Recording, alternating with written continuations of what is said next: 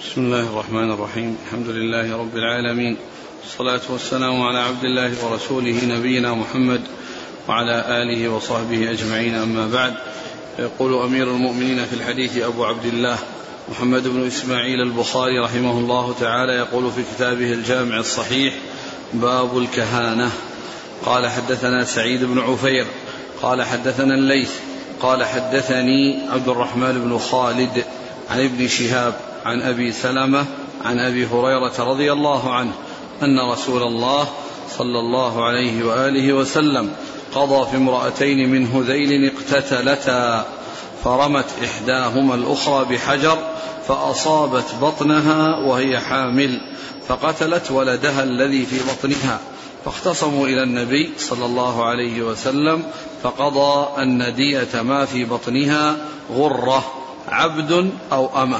فقال ولي المرأة التي غرمت كيف أغرم يا رسول الله من لا شرب ولا أكل ولا نطق ولا استهل فمثل ذلك بطل.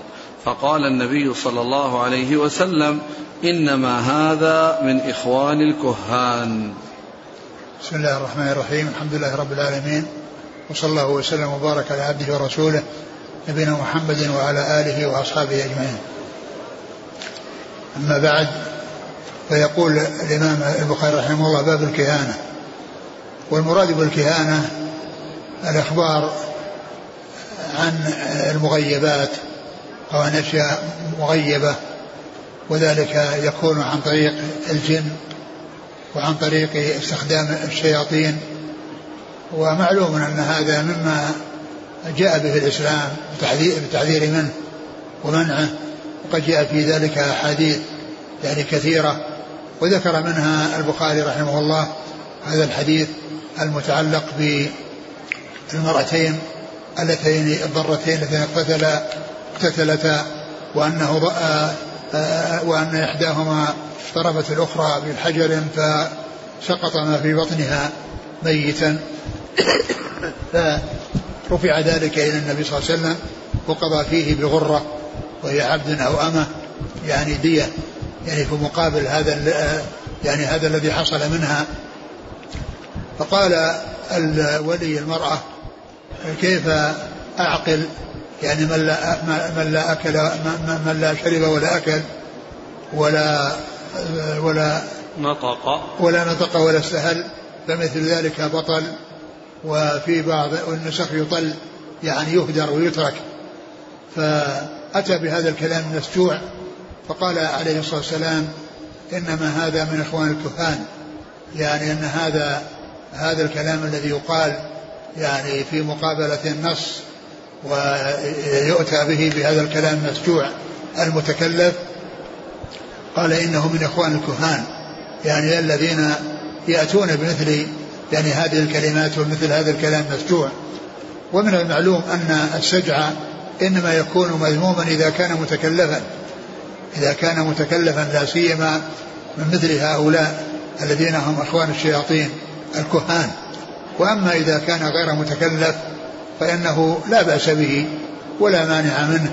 وقد جاء في بعض الأدعية يعني أحاديث آه، جاءت عن رسول الله صلى الله عليه وسلم وفيها تماثل قوافي الكلمات ولكنه ليس ليس من هذا القبيل. الشيء الذي يؤتى به متكلفا وهو يعني في رد باطل هذا واضح. الدلالة على أنه محرم وأنه غير سائغ وأما إذا أتي متكلفا وهو يعني آه، أتي متكلفا وهو في آه، بيان حق فإن ذلك يعني خلاف الأولى. لا ينبغي أن يتكلف. وأما إذا كان حصل بدون تكلف وحصل سجية بدون تكلف فإن ذلك لا بأس به. وقد اورد والحديث أورده البخاري في مواضع عديدة أورده في الديات وفي غيرها ولكنه أورده هنا من أجل ما جاء في آخره في هذه الجملة الذي هو قوله إنه من إخوان الكهان من أجل سجعه الذي سجع. نعم. قال حدثنا سعيد بن عفير. نعم. منسوب إلى جده. نعم. وسعيد بن كثير بن عفير. نعم. عن الليث بن سعد. عن عبد الرحمن بن خالد وهو المصري. نعم. عن ابن شهاب. محمد بن مسلم بن عبيد الله. عن أبي سلمة. عبد بن عبد الرحمن بن عوف.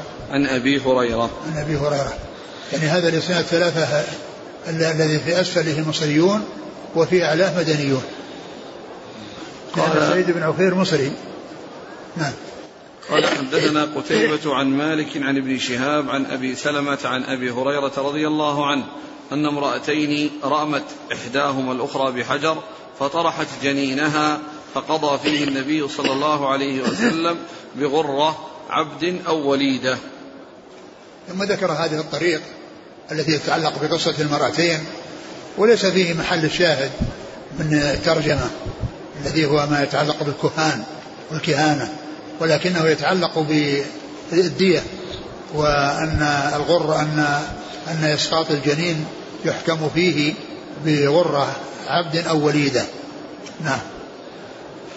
قال حدثنا قتيبة ابن سعيد. عن مالك عن ابن شهاب عن أبي سلمة عن أبي هريرة. نعم.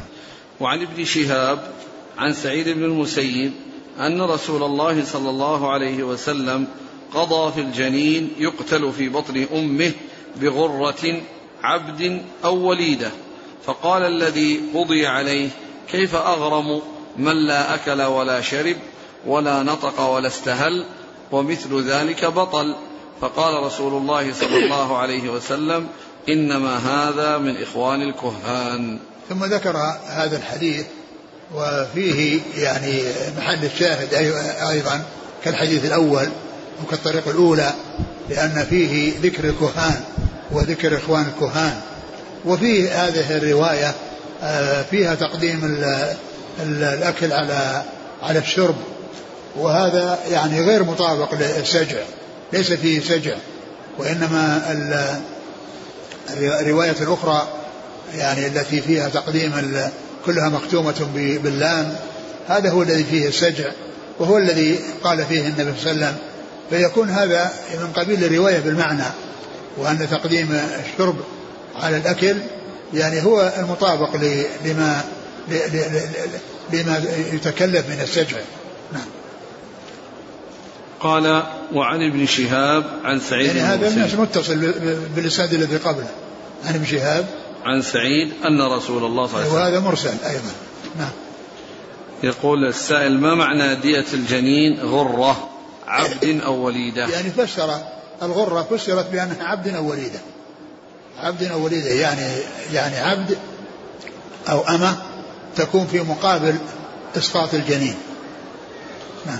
يقول فضيلة الشيخ ما هي دية السقط في هذا الزمان مع علمكم بعدم وجود العبيد؟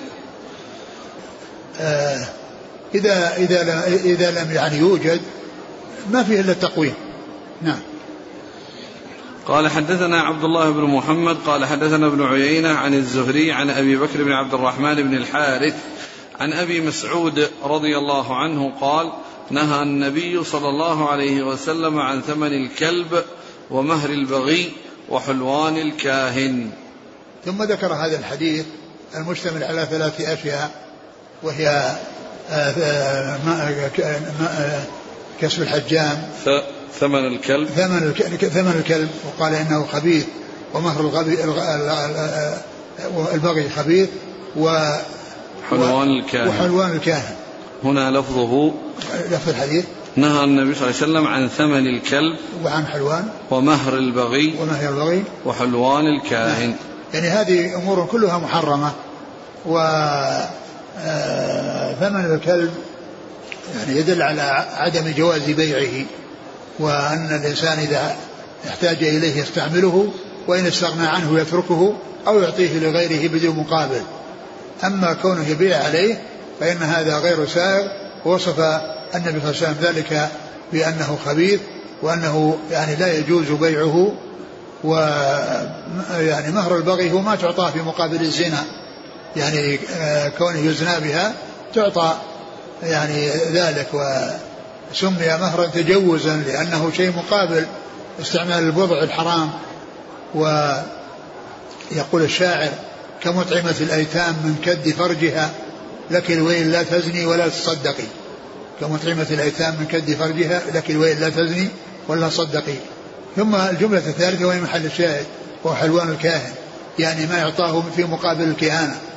يعني ما يعطاه في مقابل الكهانة فإنه حرام لأنه في مقابل عمل محرم لأن الكهانة حرام وما يعطى الكاهن في مقابل تكهنه هو حرام. نعم. قال حدثنا عبد الله بن محمد المسندي عن ابن عيينة. نعم سفيان بن عيينة. عن الزهري عن أبي بكر بن عبد الرحمن بن الحارث عن أبي مسعود. أبي مسعود عقبة بن عمرو الأنصاري البدري. وأبو بكر بن عبد الرحمن هذا أحد فقهاء المدينة السبعة على أحد الأقوال الثلاثة الجيل السابع منهم. وهم سبعة ستة متفق على عدهم والسابع منهم في ثلاثة أقوال أحدها أنه أبو بكر بن عبد الرحمن بن حارث بن هشام والثاني أبو سلمة بن عبد الرحمن بن عوف والثاني سالم بن عبد الله بن عمر بن الخطاب. وذكرت يعني في درس مضى أن ابن القيم رحمه الله ذكر في أول كتابه إعلام الموقعين آه، فقهاء الأمصار في المدن المختلفة وعندما جاء المدينة ذكر الفقهاء فيها وذكر أن منهم في عصر التابعين الفقهاء السبعة و وذكر آه، أورد بيتين من الشعر آه، الثاني منهما مشتمل على أسمائهم وجعل السابع منهم أبو بكر عبد الرحمن بن هشام بن الحارث بن هشام الذي معنا في هذا الإسناد. جعل السابع منهم يعني هذا الرجل. وهذا وهذان البيتان قول الشاعر إذا قيل من في العلم سبعة أبحر روايتهم ليست عن العلم خارجة فقل هم عبيد الله عروة قاسم سعيد أبو بكر سليمان خارجة. وأبو بكر هذا هو أبو بكر بن عبد الرحمن بن حارث ابن ابن هشام. ف وهؤلاء الفقهاء السبعة يعني يأتي ذكرهم بهاتين الكلمتين فيستغنى بها عن سرد أسمائهم. عندما يأتي في مسائل الفقه يقولون وقال بها الفقهاء السبعة. بدلا ما يسرد هؤلاء السبعة يكتفى بهاتين الكلمتين. يعني ولهذا في بعض المسائل يقولون وقال بها الفقهاء السبعة مثل مسألة زكاة عروض التجارة. زكاة عروض التجارة فإنهم يعني ممن قال بها الفقهاء السبعة. نعم.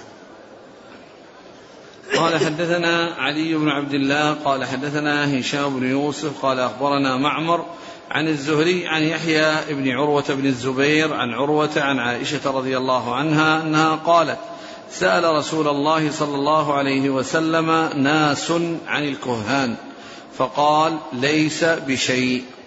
فقالوا يا رسول الله إنهم يحدثون أحيانا بشيء فيكون حقا. فقال رسول الله صلى الله عليه وسلم تلك الكلمة من الحق يخطفها من الجني فيقرها في إذن وليه فيخلطون معها مئة كذبة. ثم ذكر هذا الحديث عن عن عائشة. نعم. عن عائشة رضي الله عنها أن النبي صلى الله عليه وسلم سئل أو سأل ناس رسول الله صلى الله عليه وسلم عن الكهان فقال فقال ليس بشيء وفي بعضها ليسوا بشيء الكهان. يعني ليسوا بشيء لأنهم يعني لا لا يعول على كلامهم وما يأتي من الغيوب يعني لا يصدقون به ولا يعلم الغيب إلا الله. فقال إنهم يأتون يعني في الكلمة تكون حقا. يعني معناها أن الأشياء التي يخبرون بها منها ما يقع ويكون مطابقا للواقع يعني ويخبرون به قبل أن يقع. فقال إن إن إنها, إنها الكلمة من الحق يخطفها الجني. يخطفها نعم. قال تلك الكلمة من الحق يخطفها من الجن فيقرها في أذن وليه. يعني قيل أن المقصود بأن الجن يعني كانوا يركب بعضهم بعضا ويسترقون السمع وكل واحد يعطي الذي قبله حتى تصل إلى الجن الأسفل فيعني فيأخذها من الجن اللي فوقه ثم يعطيها للإنسي الذي هو أخوه من الإنس. فيعني ف فتثبت في في في في ذهنه فيضيف إليها مئة كذبة يضيف إليها مئة كذبة. إيش بعده؟ فيقرها بإذن الولي فيخلطون معها مئة كذبة. نعم. انتهى؟ نعم. نعم. قال نعم. فيفرضون معها مئة كذبة. نعم. قال حدثنا علي بن عبد الله ابن المديني. عن هشام بن يوسف صنعاني عن معمر بن راشد. عن الزهري عن يحيى بن عروة بن الزبير. يحيى بن عروة بن الزبير أخو هشام بن عروة. والب... و... و... و... ابن شهاب يروي كثيرا عن عروة وهنا روى عن ابنه يحيى وهو قليل الرواية. ماذا يقال إنه ليس له في البخاري إلا هذا الموضع. ابن حجر. يقول كأن هذا مما فات الزهري سماعه من عروة نعم. فحمله عن ولده عنه مع كثرة ما عند الزهري عن عروة. وقد وصفه الزهري بسعة العلم. ووقع في رواية معقل بن عبيد الله عند مسلم عن الزهري أخبرني يحيى بن عروة أنه سمع عروة وكذا للمصنف في التوحيد من طريق يونس وفي الأدب من طريق ابن جريج كلاهما عن ابن شهاب ولم أقف ليحيى بن عروة في البخاري إلا على هذا الحديث. نعم هشام بن عروة يأتي كثيرا. يعني أخوه هشام يأتي كثيرا يروي عن أبيه ويروي عن زوجته فاطمة بنت المنذر. وأما هذا يحيى فهو جاء هذه المرة كما قال الحافظ أنه لم يقف يعني على ذكره في موضع آخر غير هذا الموضع يعني معناه أنه مقل. نعم. عن عروة عن وقال إنه فات الزهري سماعه من أبيه فاضطر إلى أن يأخذه بالواسطة أو احتاج إلى أن يأخذه بالواسطة لأنه مما فات الزهري سماعه من أبيه عروة. نعم. قال علي قال عبد الرزاق مرسل الكلم مرسل الكلمة من الحق ثم بلغني أنه أسنده بعده. ثم جاءت بهذه الكلمة وهي الكلمة من الحق وقال إنها مرسلة ثم قال بلغني أنه أسندها بعده. يعني فيكون كله مسند يعني ليس فيه شيء مرسل. نعم. قال رحمه الله تعالى باب السحر. وقول الله تعالى ولكن الشياطين كفروا يعلمون الناس السحر وما أنزل على الملكين ببابل هاروت وماروت وما يعلمان من أحد حتى يقولا إنما نحن فتنة فلا تكفر فيتعلمون منهما ما يفرقون به بين المرء وزوجه وما هم بضارين به من أحد إلا بإذن الله ويتعلمون ما يضرهم ولا ينفعهم ولقد علموا لمن اشتراه ما له في الآخرة من خلاق وقوله تعالى ولا يفلح الساحر حيث أتى. وقوله أفتأتون السحر وأنتم تبصرون. وقوله يخيل إليه من سحرهم أنها تسعى. وقوله ومن شر النفاثات العقد. والنفاثات السواحر. تسحرون تعمون تعمون. قال حدثنا إبراهيم بن موسى قال أخبرنا عيسى بن يونس عن هشام عن أبيه عن عائشة رضي الله عنها أنها قالت سحر رسول الله صلى الله عليه وسلم رجل من بني زريق يقال له لبيد بن الأعصم حتى كان رسول الله حتى كان رسول الله صلى الله عليه وسلم يخيل إليه أنه يفعل الشيء وما فعله حتى إذا كان ذات يوم أو ذات ليلة وهو عندي لكنه دعا ودعا ثم قال يا عائشة أشعرت أن الله أفتاني فيما استفتيته أن الله أفتاني فيما استفتيته فيه. أتاني رجلان فقعد فقعد أحدهما عند رأسي والآخر عند رجلي فقال أحدهما لصاحبه ما وجع الرجل؟ فقال مطبوب. قال من طبه؟ قال لبيد بن الأعصم قال في أي شيء؟ قال في مشط ومشاطة وجف طلعة وجف طلع نخلة ذكر. قال وأين هو؟ قال في بئر دروان. فأتاها رسول الله صلى الله عليه وسلم في ناس من أصحابه فجاء فقال يا عائشة لكأن ماءها نقاعة الحناء أو كأن رؤوس نخلها رؤوس الشياطين. قلت يا رسول الله أفلا أستخرجه؟ قال فدعا. قال قد عافاني الله فكرهت أن أثور على الناس فيه شرا فأمر بها فدفنت. تابعه أبو أسامة وأبو ضمرة وابن أبي الزناد عن هشام. وقال الليث وابن عيينة عن هشام في مشط ومشاقة. يقال المشاطة ما يخرج من الشعر إذا مشط والمشاقة من مشاقة الكتان من مشاقة الكتان. ثم قال باب باب السحر. والسحر هو من عمل الشياطين.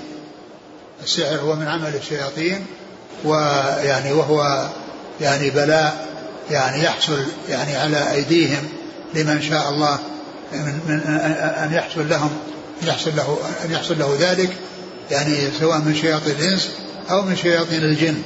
شياطين الإنس أو من شياطين الجن.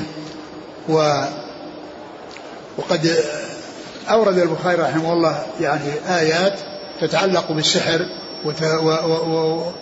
وهي من الآيات الخاصة بالسحر.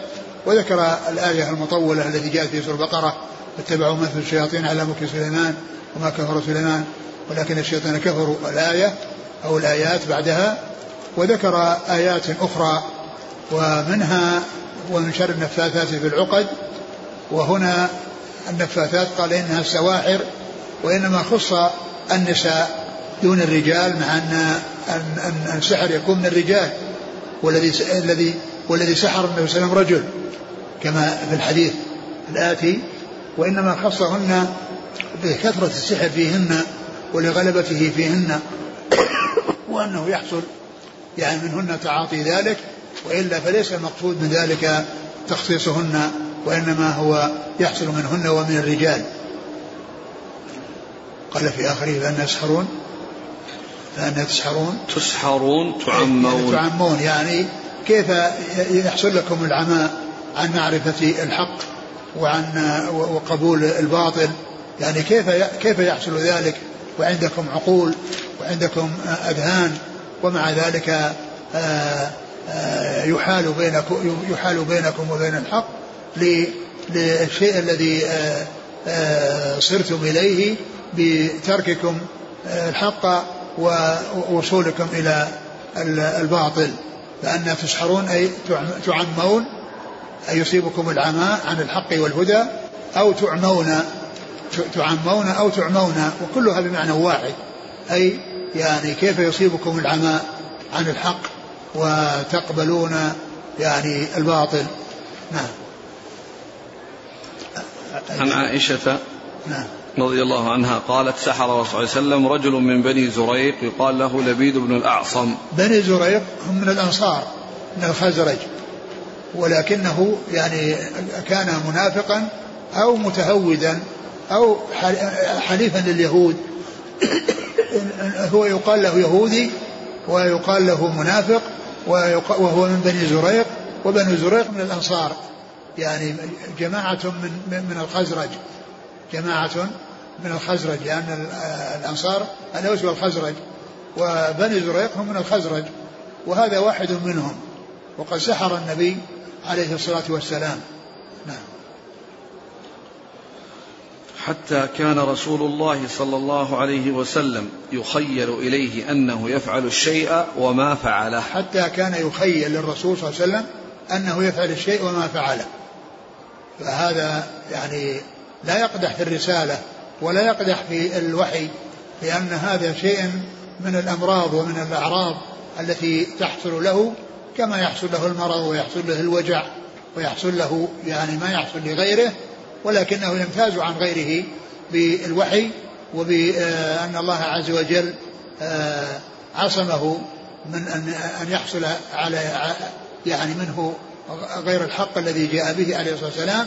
وأما فيما يتعلق بأمور الدنيا من من الأمراض والأسقام وحصول يعني شيء يؤثر على الجسد فإن هذا لم يمنع منه ولم يعصم منه عليه الصلاة والسلام.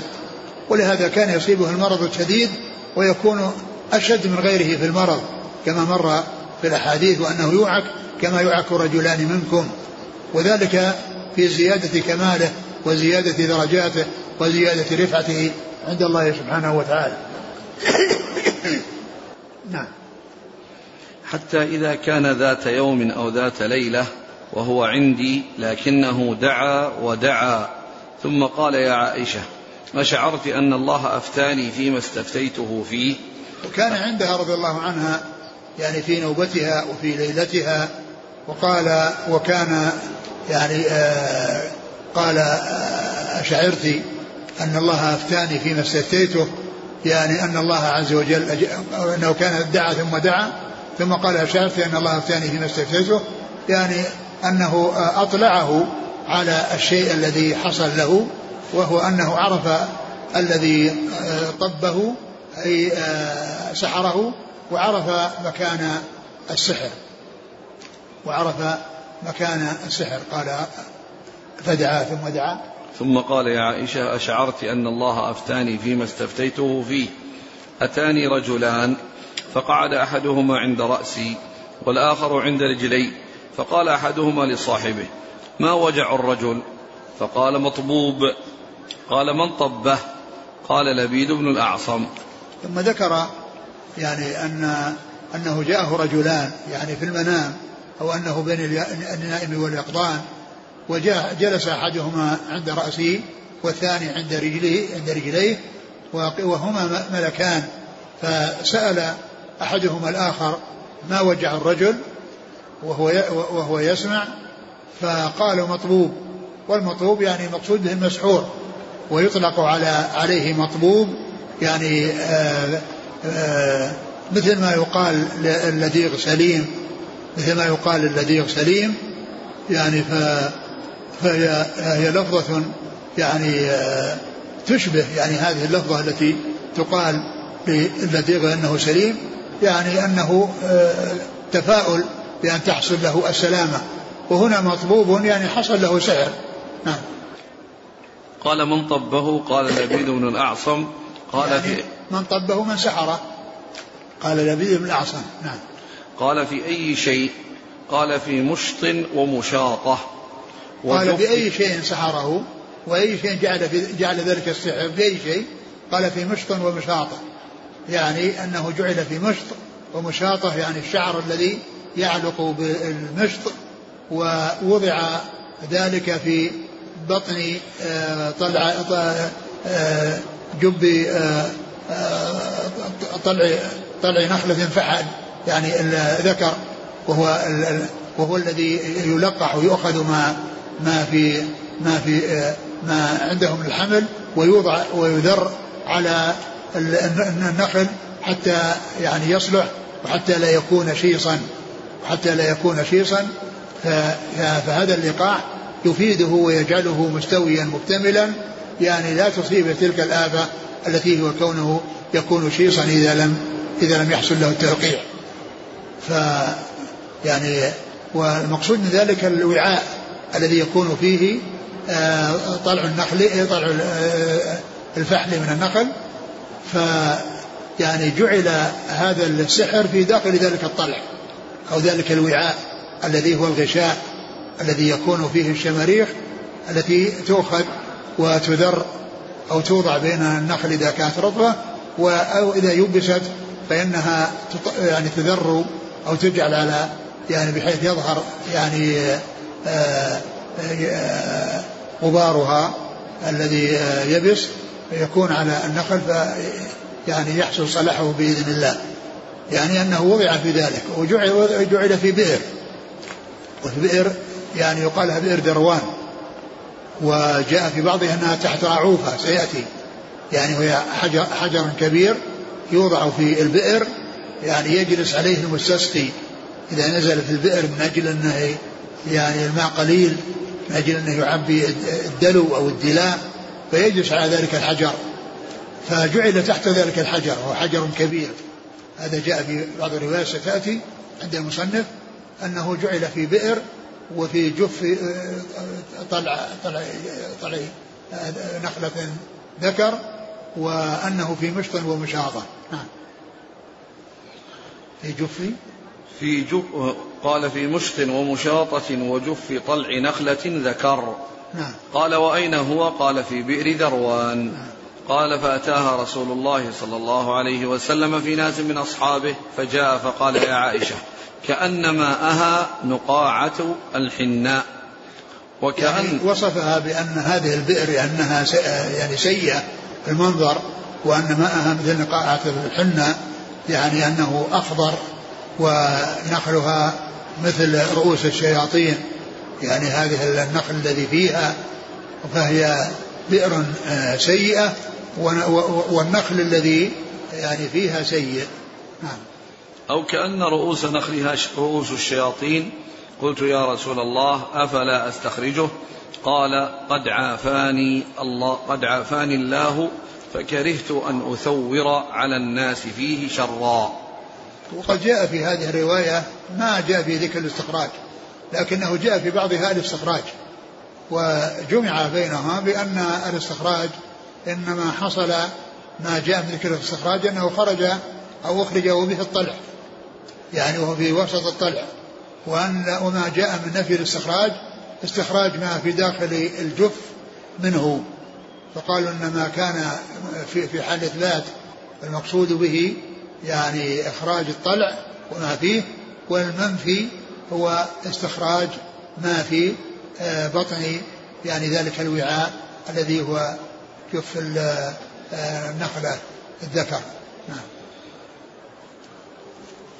قال فإن الله عافاني وكرهت أن أثور على الناس فيه شرا فأمر بها فدفنت.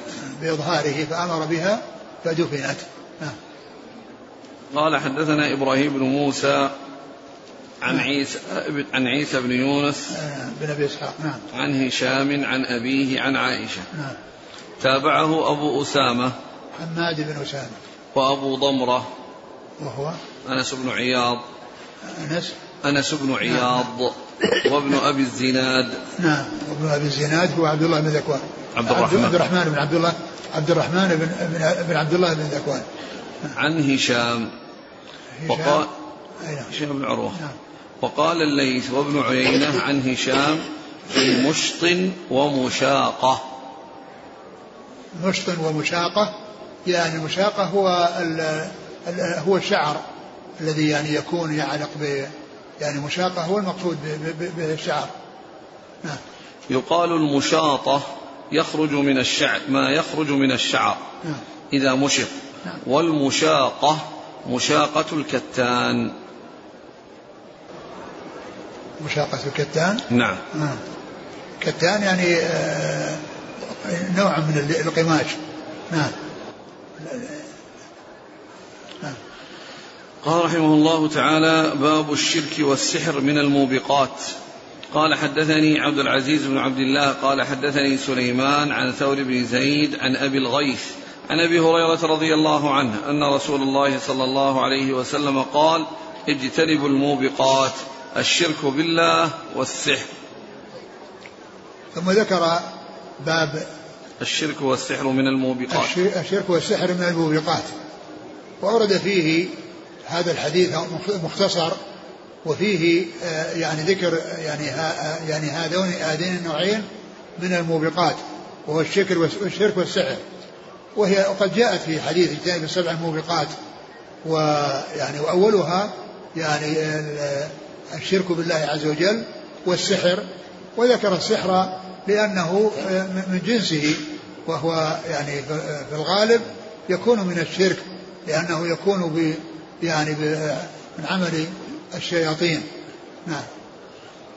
والحديث ذكره في مواضع ولكنه ذكر هنا مختصرا فيه ذكر ما ترجم له فقط. قال حدثني عبد العزيز بن عبد الله الأويسي. عن سليمان بن بلال. عن ثور بن زيد نعم. الديلي عن أبي الغيث وهو؟ سالم مولى عبد الله بن مطيع نعم. عن أبي هريرة. نعم. قال رحمه الله تعالى باب هل هل يستخرج السحر؟ وقال قتادة قلت لسعيد بن المسيب رجل به طب أو يؤخذ عن امرأته أيحل عنه أو ينشر؟ قال لا بأس به إنما يريدون به الإصلاح فأما ما ينفع فلم ينه عنه. قال حدثني عبد الله بن محمد قال سمعت ابن عيينة يقول أول من حدثنا به ابن جريج. يقول حدثني آل عروة عن عروة فسألت هشاما عنه فحدثنا عن أبيه عن عائشة رضي الله عنها قالت كان رسول الله صلى الله عليه وسلم سحر حتى كان يرى أنه يأتي النساء ولا يأتيهن. قال سفيان وهذا أشد ما يكون من السحر إذا كان كذا. فقال يا عائشة أعلمت أن الله قد أفتاني فيما استفتيته فيه. أتاني رجلان فقعد أحدهما عند رأسي والآخر عند رجلي. فقال الذي عند رأسي للآخر ما بال الرجل؟ قال مطبوب. قال ومن طبه؟ قال لبيد بن أعصم رجل من بني زريق حليف ليهود كان منافقا. قال وفيما قال في مشط ومشاقة. قال وأين؟ قال في جف طلعة في جف طلعة ذكر تحت رعوفة في بئر ذروان. قالت فأتى النبي صلى الله عليه وسلم البئر حتى استخرجه. فقال هذه البئر التي أريتها وكأن ماءها نقاعة الحناء وكأن نخلها رؤوس الشياطين. قال فاستخرج. قالت فقلت أفلا أي تنشرت؟ فقال أما والله فقد شفاني وأكره أن أثير على أحد من الناس شرا. ثم قال باب؟ هل يستخرج السحر؟ باب هل يستخرج السحر؟ يعني إذا علم السحر في مكان هل يستخرج أو لا يستخرج؟ هل يستخرج ويقضى عليه ويتلف؟ أو أو ماذا؟ و وأورد فيه آه هذا أورد فيه أولا الأثر شلون؟ وقال قتادة قلت لسعيد بن المسيب رجل به طب أو يؤخذ عن امرأته أيحل عنه أو ينشر؟ قال لا بأس به إنما يريدون به الإصلاح فأما ما ينفع فلم ينهى عنه. وهذا يعني يتعلق بأن الإنسان إذا كان فيه سحر وأنه آه، فإنه يسعى للخلاص منه. إما يعني بالعلاج المعنوي الذي هو الرقى والتعويل على الله عز وجل أو بالأخذ بالأسباب التي تنفع مما لا مما لا يكون فيه شركا ولا يكون فيه شيء محذور.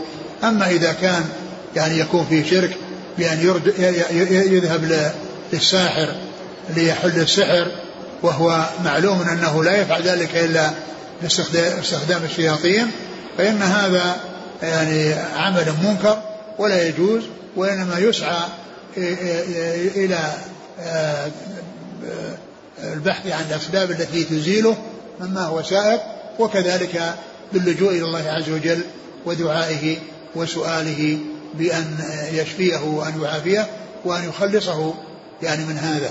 فهذا هو المقصود بكلام كلام سعيد بن المسيب أن ما كان ينفع يعني وليس بمحذور فإن هذا لم ينهى عنه. والحديث؟ عن عائشة قالت كان صلى الله عليه وسلم والحديث عن عائشة رضي الله عنها ومثل الذي قبله. يعني في فيه ذكر أنه أنه أصابه سحر وأنه سحر وأنه كان يخيل إليه أنه يأتي أهله ولا يأتيهم وفي الأول يخيل, يخيل إليه أنه يفعل الشيء ولا يفعله وذكر وذكرت يعني هنا مثالا من أمثلة كون يخيل إليه أنه يفعل ولا يفعله وهو إتيان وهو إتيان أهله. ومعلوم أن مثل هذا لا يؤثر على مقام النبوة ومقام الرسالة فإن هذا من الأعراض ومن الأمراض والأسقام التي تحصل للبشر ومنهم الأنبياء عليهم الصلاة والسلام ورسول الله عليه الصلاة والسلام حصل له هذا ولا يؤثر ذلك ولا يقدح في الرسالة لأن كل ما يبلغه عن الله فهو معصوم به معصوم به لا يعني معصوم من أن يحصل آه شيء آه لم لم يوحى إليه بل كل ما يأتي به من الوحي كتابا وسنة فهو وحي من الله سبحانه وتعالى. وكونه حصل له السحر لا يقدح في الرسالة. وبعض المبتدعة وبعض ال ال يعني آه، بعض الناس آه، قدحوا فيها قدحوا أنكروا أنه سحر وقالوا إن هذا يقدح في مقام النبوة وهذا غير صحيح. بل وصف الحافظ بن حجر الذين يعني يحصلون ذلك أنهم من المبتدعه نعم. بعدين كان صلى الله عليه وسلم سحر حتى كان يرى أنه يأتي النساء ولا يأتيهن. قال سفيان وهذا أشد ما يكون من السحر.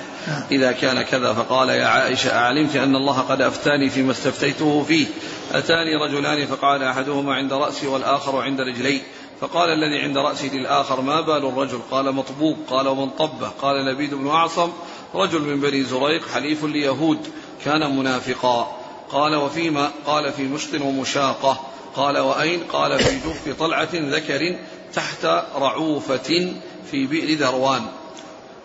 نعم هذه هي الحجر الحجر الكبير يوضع في أسفل البئر حتى إذا قل الماء واحتاج إلى أن ينزل أحد من أجل أن يعبي الدلاء فإنه يجلس على هذا الحجر. فهو جعله تحت هذا الحجر الذي في أسفل البئر. نعم.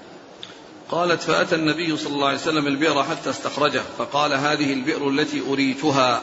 يعني الذي أريها في المنام التي أريها والذي وصفها بأنه كذا وكذا قال هذه البئر التي أريتها. نعم. وكأن ماءها نقعة الحناء وكأن نخلها رؤوس الشياطين. وفيه الاستخراج أنه استخرج. قال فاستخرج. نعم. نعم. وفيه أنه استخرج. وفسر يعني كما قلت لكم أن كما قال الحافظ بن حجر أنه يحمل ما جاء من الاستخراج على استخراجه من البئر وعدم الاستخراج عدم استخراج السحر من من من الطلع من طلع النخل. نعم. فقال قالت فقلت أفلا أي تنشرت فقال أما والله فقد شفاني وأكره أن أثير على أحد من الناس شرا. فلا تنشرت يعني أخذت بالأسباب التي تزيل عنك السحر. فقال إن الله شفاني. يعني الشيء الذي أريده هو الشفاء قد حصل من الله عز وجل. فلا يحتاج إلى أنه يعني يبحث عن أسباب لأنه حصل له الشفاء من الله عز وجل. نعم. قال حدثني عبد الله بن محمد المسندي عن ابن عيينة نعم. قال أول من حدثنا به ابن جريج. نعم. يقول حدث عبد الملك بن عبد العزيز بن جريج.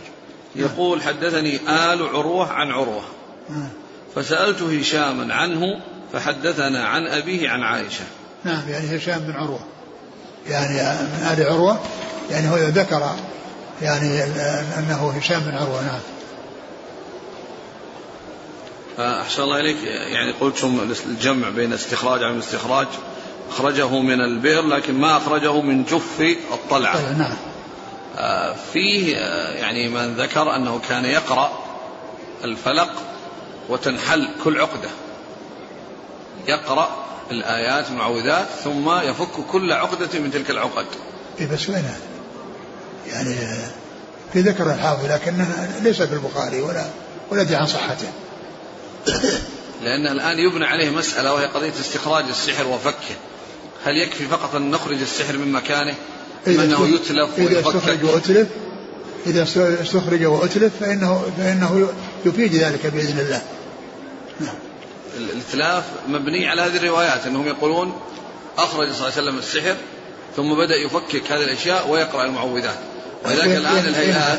أين هذا؟ أين هذا؟ من, من خرج نسأل الآن اللي قائمين على السحر كان في الشح كان في أظن في الشرح لعله يتعرض لهذا.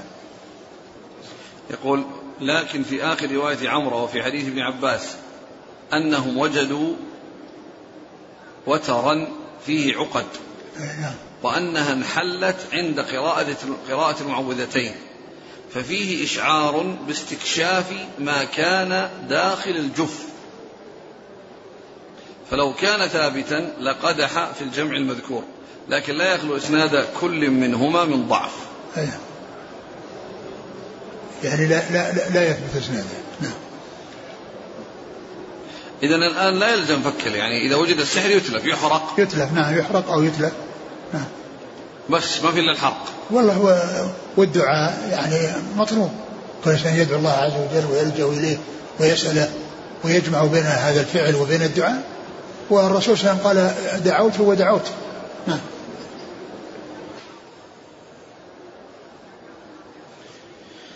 قال رحمه الله تعالى باب السحر. قال حدثنا عبيد بن إسماعيل قال حدثنا أبو أسامة عن هشام عن أبيه عن عائشة رضي الله عنها أنها قالت سحر رسول الله صلى الله عليه وسلم حتى إنه ليخيل إليه أنه يفعل الشيء وما فعله. حتى إذا كان ذات يوم وهو عندي دعا الله ودعاه. ثم قال أشعرت يا عائشة أن الله قد أفتاني فيما استفتيته فيه. قلت وما ذاك يا رسول الله؟ قال جاءني رجلان. فجلس أحدهما عند رأسي والآخر عند رجلي. ثم قال أحدهما لصاحبه ما وجع الرجل؟ قال مطبوب. قال ومن طبه؟ قال لبيد بن الأعصم اليهودي من بني زريق قال في ماذا؟ قال في مشط ومشاطة وجف طلعة ذكر. قال فأين هو؟ قال في بئر ذي أروان. طلعه طلعة الذكر أو طلعة ذكر. نعم. طلعة ذكر يعني اللي هو آه، ذكر من النخل الذي آه، يؤخذ آه، يعني ما في الوعاء ويوضع على على شماريخ. التي تكون في الطلع نعم.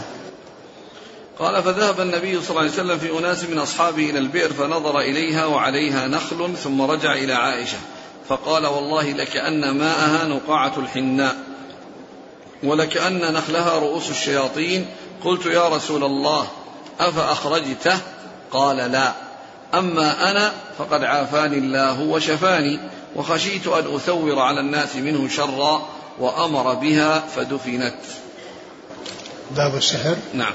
يعني عاد ترجمة مرة أخرى بنفس اللفظ المتقدم وإيش قال في التعليل.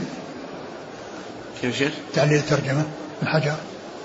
تعليل تعليل تكرار تكرار هذا وقع هنا الكثير وسقط بعضهم عليه جرى بن بطال والاسماعيل وهو الصواب لأن الترجمة قد تقدمت بعينها قبل بابين ولا يعهد ذلك للبخاري إلا نادرا عند بعض عند بعض دون بعض. لأنه سقط. اي نعم يعني بعضهم ما ذكر. أيوه بعدين؟ قال وذكر حديث عائشة من رواية أبي أسامة فاقتصر الكثير منه على بعضه من أوله إلى قوله. فقط؟ ما يعني. بدأ يشرح في الألفاظ ويتكلم عن الألفاظ لم يذكر شيئا عن تكرار الترجمة إلا أنها وقعت في بعض النسخ دون بعض لا شو بعد هذا أو قبل أو أو في الباب السابق. الباب السابق.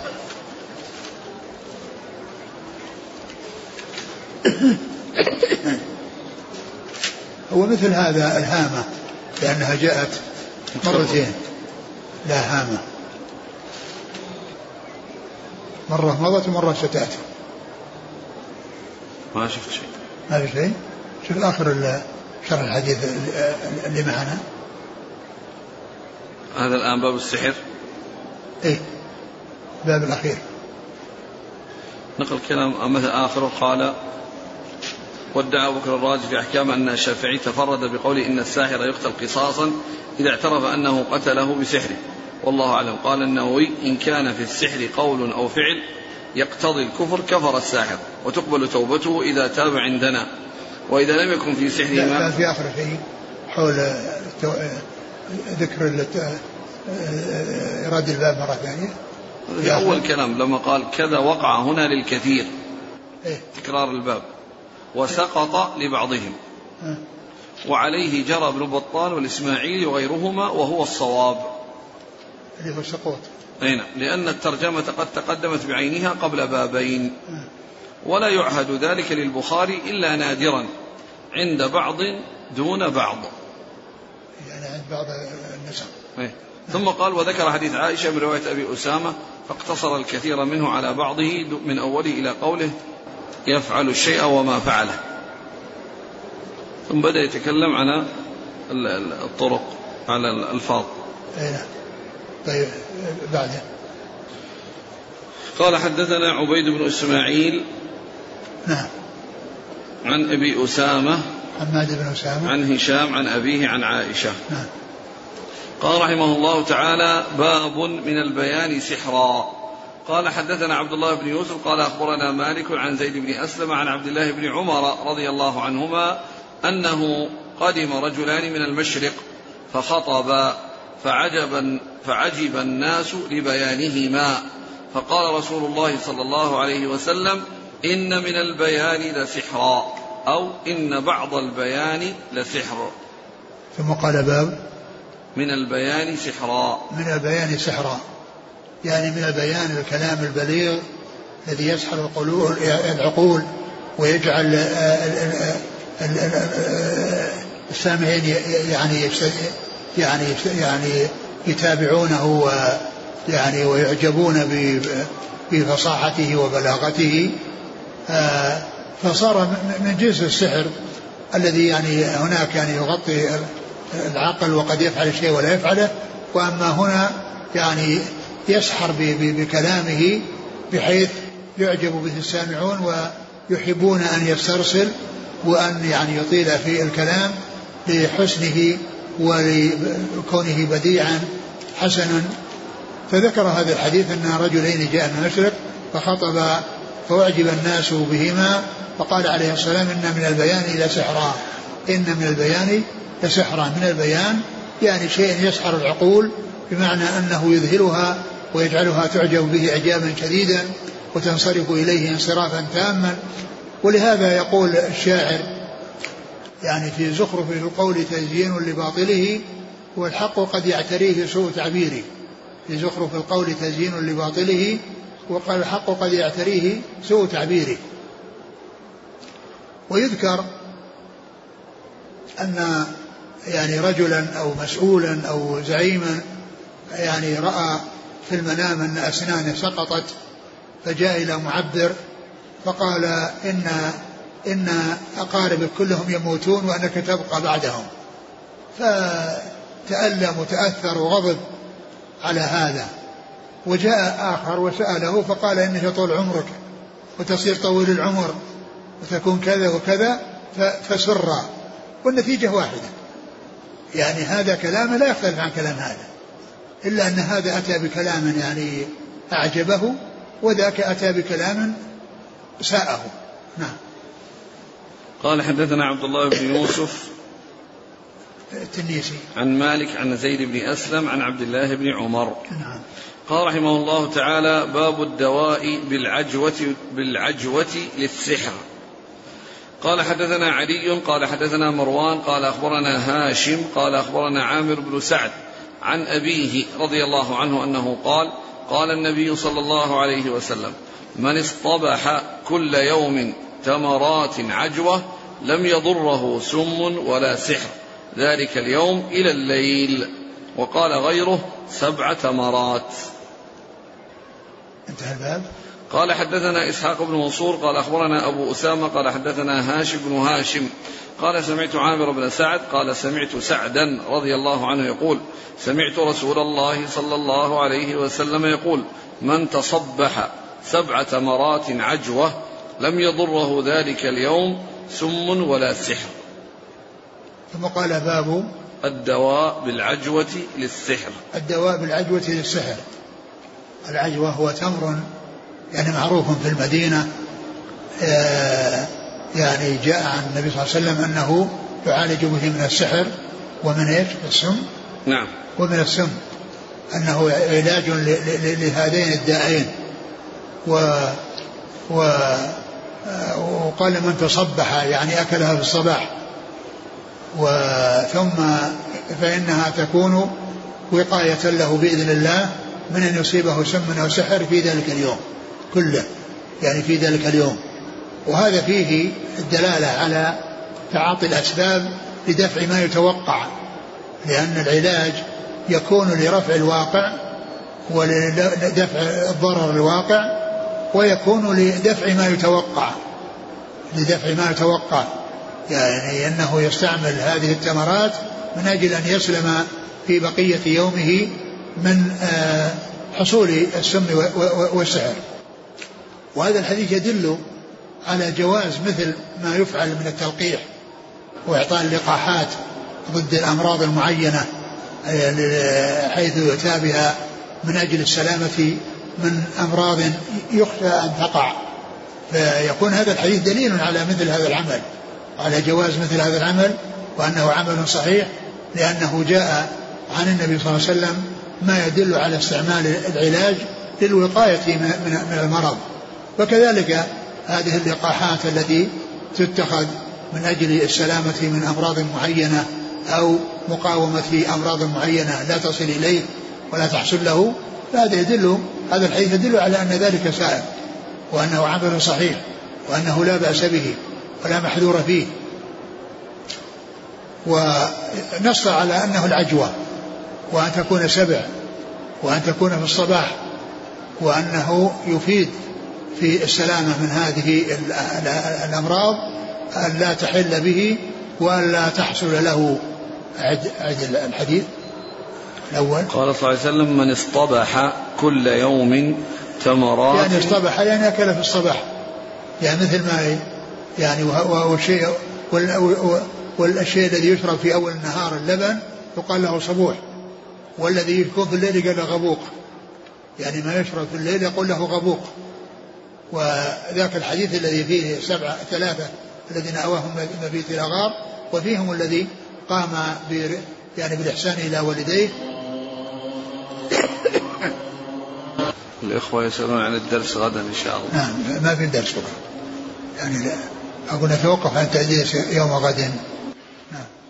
قال صلى الله عليه وسلم من اصطبح كل يوم تمرات عجوة لم يضره سم ولا سحر ذلك اليوم إلى الليل. وقال غيره سبع تمرات. نعم. في الرواية الثانية من تصبح سبع تمرات عجوة لم يضره ذلك اليوم سم ولا سحر. نعم كلها ذكر السبع وأن الإنسان يتصبح بها بحيث يأكلها أول ما يأكل في الصباح وتفيده في السلامة بإذن الله من السم والسحر يعني بقية يومه إلى الليل. نعم. قال حدثنا علي. علي؟ نعم. عن مروان. علي بن مديني عن مروان. بن معاوية الفزاري. عن هاشم. ابن هاشم. ابن عتبة بن وقاص عن نعم. عامر بن سعد نعم. عن أبيه. نعم. قال حدثنا إسحاق بن منصور نعم. كوسج نعم. عن أبي أسامة نعم. حماد بن أسامة. عن هاشم بن هاشم عن عامر بن سعد عن أبيه. نعم. قال رحمه الله تعالى باب لا هامة. قال حدثني عبد الله بن محمد قال حدثنا هشام بن يوسف قال أخبرنا معمر عن الزهري عن أبي سلمة عن أبي هريرة رضي الله عنه أنه قال قال النبي صلى الله عليه وسلم لا عدوى ولا صفر ولا هامة. فقال أعرابي يا رسول الله فما بال الإبل تكون في الرمل كأنها الضباء فيخالطها البعير الأجرب فيجربها؟ فقال رسول الله صلى الله عليه وسلم فمن أعدى الأول وعن أبي سلمة أنه سمع أبا هريرة بعد يقول قال النبي صلى الله عليه وسلم لا يريدن ممرض على مصح. وأنكر أبو هريرة حديث الأول. قلنا ألم تحدث أنه لا عدوى؟ فرطن بالحبشية. قال أبو سلمة فما رأيته نسي حديثا غيره. باب باب اللاهامه نعم. هذه هذا موضع ثاني لأنه سبق في الموضع في موضع سابق لهذه الترجمة نفسها باب لا هامة إيش قال هنا؟ الشارح. إيه.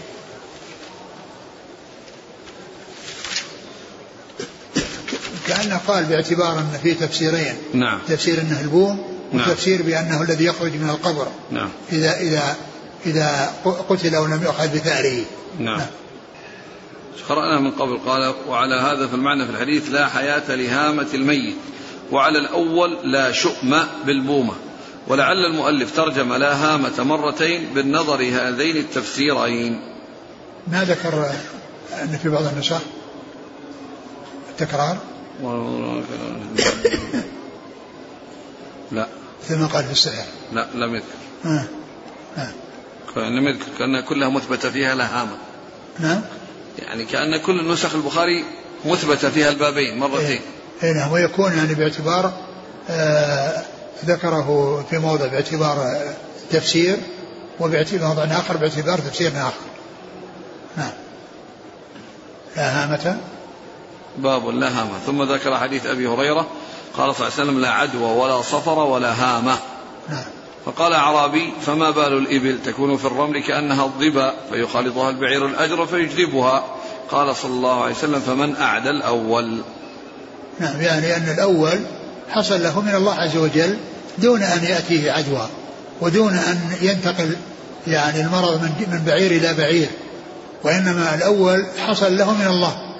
فإذا كان الله عز وجل هو الذي أوجد البلاء لأول بعير فإن ذلك البعير الثاني قد يحصل له عدوى وقد لا يحصل له لأن الله عز وجل آه، يعني أتى بالمرض لذلك البعير الأول دون أن يعديه شيء. فكذلك هنا قد يعني يلتقي الصحيح بالسقيم وتنتقل العدوى وقد يحصل أنه يلتقي ولا ولا تحصل العدوى. ويبقى سليما بإذن الله عز وجل لأن الأمر كله بيد الله. نعم. وعن أبي سلمة أنه سمع أبا هريرة بعد يقول قال صلى الله عليه وسلم لا يريدن ممرض على مصح. وأنكر أبو هريرة حديث الأول. قلنا الذي فيه لا عدوى. نعم. قلنا ألم تحدث أنه لا عدوى؟ فرطن بالحبشية. قال أبو سلمة فما رأيته نسي حديثا غيره. نعم. قال حدثني الإسناد مر عبد الله المسلم عبد الله بن محمد عن هشام بن يوسف عن معمر عن الزهري عن أبي سلمة عن أبي هريرة. نعم. قال رحمه الله تعالى باب لا عدوى. قال حدثنا سعيد بن عفير قال حدثني ابن وهب عن يونس عن ابن شهاب قال أخبرني سالم بن عبد الله وحمزة أن عبد الله بن عمر رضي الله عنهما قال قال رسول الله صلى الله عليه وسلم لا عدوى ولا طيرة إنما الشؤم في ثلاث في الفرس والمرأة والدار. وقد مر وقد مر هذا الحديث وذكرت أن ذكر الشؤم في ثلاث أنه لكونها مصاحبة وملازمة وأن الإنسان إذا استمر يعني واستمر وهي عنده وهي معه فإنه يبقى متألما.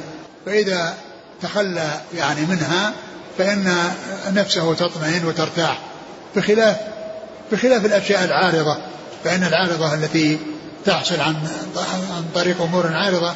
هذه يعني آه لا لا ليست مثل الشيء الدائم المستمر الذي يكون الإنسان فيه في عذاب وفي ألم.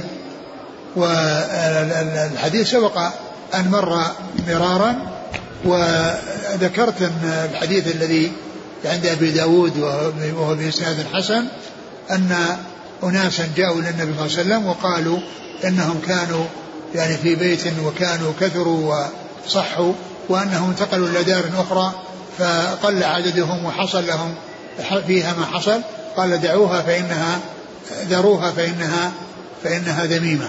نعم. قال حدثنا سعيد بن عفير عن ابن وهب. نعم. عن يونس عن ابن شهاب عن سالم وحمزة. حمزة أخوه سالم حمزة بن عبد الله. نعم. عن ابن عمر. قال حدثنا أبو اليمان قال أخبرنا شعيب عن الزهري قال حدثني أبو سلمة بن عبد الرحمن أن أبا هريرة رضي الله عنه قال إن رسول الله صلى الله عليه وسلم قال لا عدوى. قال أبو سلمة بن عبد الرحمن سمعت أبا هريرة عن النبي صلى الله عليه وسلم قال لا توردوا الممرض على المصح. وهذا مثل مثل ما تقدم. قال وعن الزهري قال أخبرني سنان بن أبي سنان الدؤلي أن أبا هريرة رضي الله عنه قال إن رسول الله صلى الله عليه وسلم قال لا عدوى. فقام أعرابي فقال أرأيت الإبل تكون في الرمال أمثال الظباء فيأتيه البعير الأجرب فتجرب. قال النبي صلى الله عليه وسلم فمن أعدى الأول. نعم. قال هذا كله مر وعن الزهري قال أخبرني سنان بن أبي سنان الدؤلي عن أبي هريرة. نعم. قال حدثني محمد بن بشار قال حدثنا ابن جعفر قال حدثنا شعبة قال سمعت قتادة عن أنس بن مالك رضي الله عنه عن النبي صلى الله عليه وسلم قال لا عدوى ولا طيرة ويعجبني الفأل قالوا وما الفأل؟ قال كلمة طيبة وهذا الحديث أيضا مر ترجمة نفس الترجمة الأولى باب لا عدوى. آه. يعني وهي أقول الحديث سبق أن مر وأن وأن الفال هو الذي كان مستحسنا ويعجب الرسول صلى الله عليه وسلم وهو يتعلق بالكلام لا يتعلق بالأفعال. نعم قال حدثني محمد بن بشار نعم عن ابن جعفر. محمد بن جعفر. عن شعبة عن قتادة عن أنس. نعم باب ما يذكر في سم النبي صلى الله عليه وسلم. والله تعالى أعلم وصلى الله وسلم وبارك على عبده ورسوله نبينا محمد وعلى آله وأصحابه أجمعين. جزاكم الله خيرا وبارك الله فيكم والهمكم الله الصواب وفقكم للحق شافاكم الله وعافاكم ونفعنا الله ما سمعنا وغفر الله لنا ولكم وللمسلمين أجمعين آمين.